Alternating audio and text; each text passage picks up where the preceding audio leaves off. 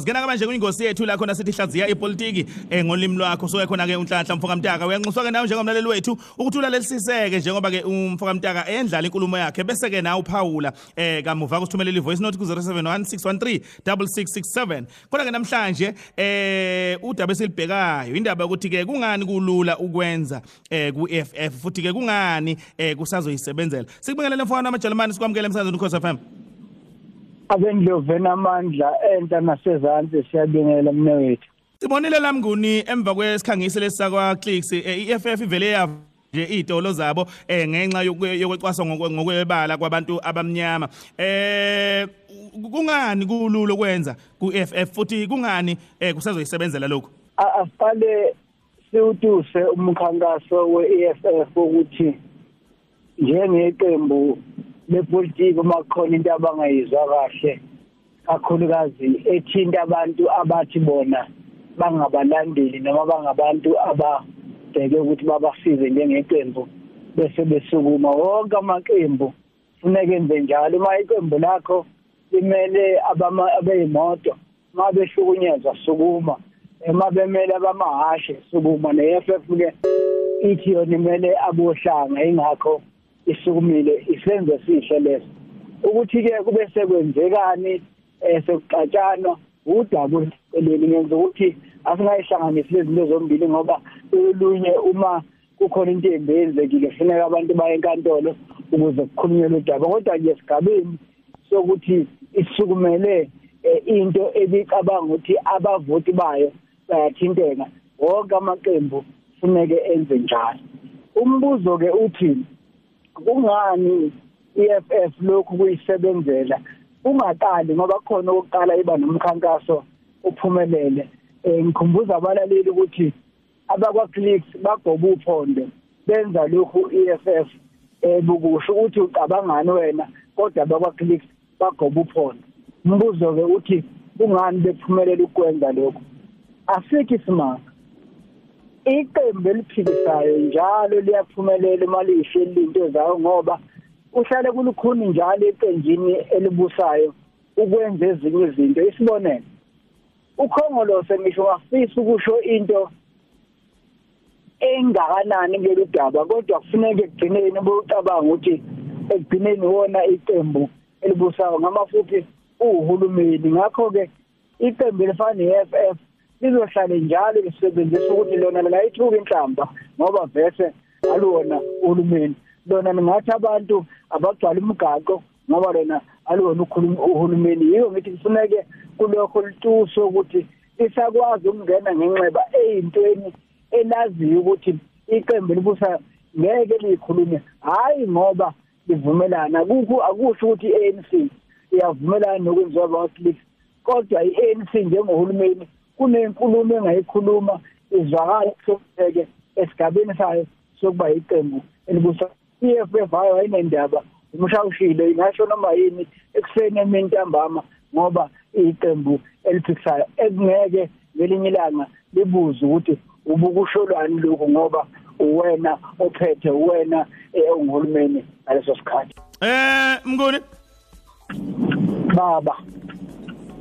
Hayi ngeke mfowethu eh ingathithi ama voice note ethu la eh asiwatholi ngendlela efanele lapha ezobuchwepheshe ithanda ukusinikeza eh inkingana. Kodwa la inkundleni zokuxhumana kuno siphelele wakasithole eh lapha eMnambithi. Uthi umholi weEFF washo wathi ke bayekhetha izimpi zabo eh nengibona kuyinto ke ebasebenzelayo. Cishe ke naye uhambe emagameni akho ke lawa oye eh wabalula ngenkathi ukhuluma ke ngalolu daba. Njengobesho nje umlaleli iqembu elithisayo elihlakaniphile alibi mhlawumbe ngiyibeke kanje. Iqembu lepolitiki elihlakaniphile alumchazi aliphazamisi imbangi yalo mayinquma iyaqhubeka nje imiyeka inqume eh yena linde ukuthi uma seyinqumile ke uzobe senze njani ngamafuphi iFF inobuhlakani bokubona ukuthi yini iqembu elibusayo engeke likhulume ngisakugcizelela lokho alikhulumi ngoba lingayithandi noma livumelana nayo noma lingayiboni. Kokunye alikhulumi ngoba eseli uhulumeni mhlawumbe njengohulumeni inemithetho ethize eh yomhlaba elasayina egameni likahulumeni eh manje ngeke sakwazi ukuyiphikisa lelo lalikhulumile iSF kuyakwazi ukubabona abakwakhongolose ukuthi oh hayi ke la ngeke basho lutho bazongena. Bazile ukuthi umengameli we-ANC ngeke asho lutho ngoba waCliffs ngoba ukubuke wakhuluma bekuzokhala abantu bebhizinisi. Bathi ngalesikhathi iningizimu Afrika idinga ukutshalwa kwemali umengameli usekhuluma amagama mhlawumbe kungenzeka ukuthi azwakala njengasabisa noma xosha abatshali imali. Yayisingena ngenxeba ke EFF umqondo omuhle loyo. Kufuneka wonke amaqembu aphikisayo awusebenzise. Kodwa umbuzo uthi iqembu elibusayo ke lingayivika kanjani leyo nto? Angazi noma nginika isikhathi sokuthi eh ngiphawule ngalokho ngoba amaqembu ahlakaniphile emhlabeni eh aba nobudlelwane nenhlaka noma nenhlangano ezikwaziyo ukukhuluma isibonelo.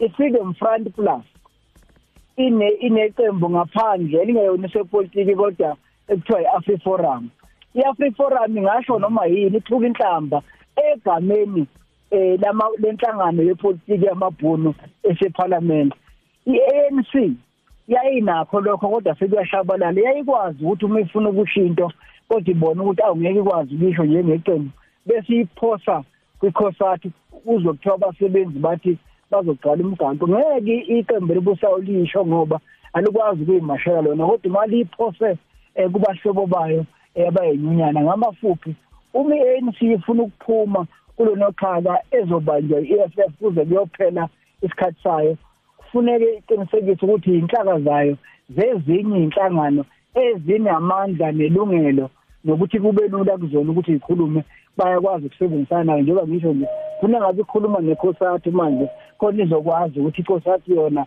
izothini ngoba ikhosati kuphela ebingakhuluma uzwakale ikhosati kuphela ebingakhuluma ingadaywa ngoba ayilona iqembu eParliament iFF ke uma kungakenzeki lokho iyohlala njalo iyesula inhlangano eh ukhongolose. Yikho ngithi kuzofuneke ihlale phansi icabange isibonelo nje kodwa udaba lokuzolikhuluma ke ku podcast ngo6 ntambama umnumzane umayimane no nomnumzane lo okade phethe umashaba bafuna ukwenza into efanayo. Umashaba uzoba neqembu lepolitiki umayimane abe ngaphandle. Uma umashaba engakwazi ukukhuluma umamane uzokhuluma into engabe ikhulunywa umashaba kodwa ngoba useParliament ngiyakwazi ukukhuluma ngamafuphi iANC ayiyolungisa into zayo. Likwazi ukwenza kuqala okwamanje ngenxa yokungaxhumani kahle nayo nekhosati nenhlelo iSS izongena nenxeba isenza kahle kwamanje iSS funeka ituso ngaleli qhingasu nayo iyakwazi ukuyisebenzela. Okay. Ngone sibonga kakhulu mfowethu? Eh sifisela usuku oluhle hlala kuyintokozo ukukhuluma nawe njalo ngemsombulungu. Siyabonga njengoba ngishilo nje ku podcast ekhuluma ntambama ngehora lesithupha sesifaka nale engisho ukuthi angenza kanjani amaqembu aphikisayo ukuthi angene ngenxeba kanti nalo iqembu eliphikisayo lingayivika kanjani lezinto sobe sifundisana ngalokho. Ungamthola ke uNhlanhla Mtaka lapha na ke ku Facebook uthi nje ke bayede news kanti ku Twitter @nhlanhla Mtaka.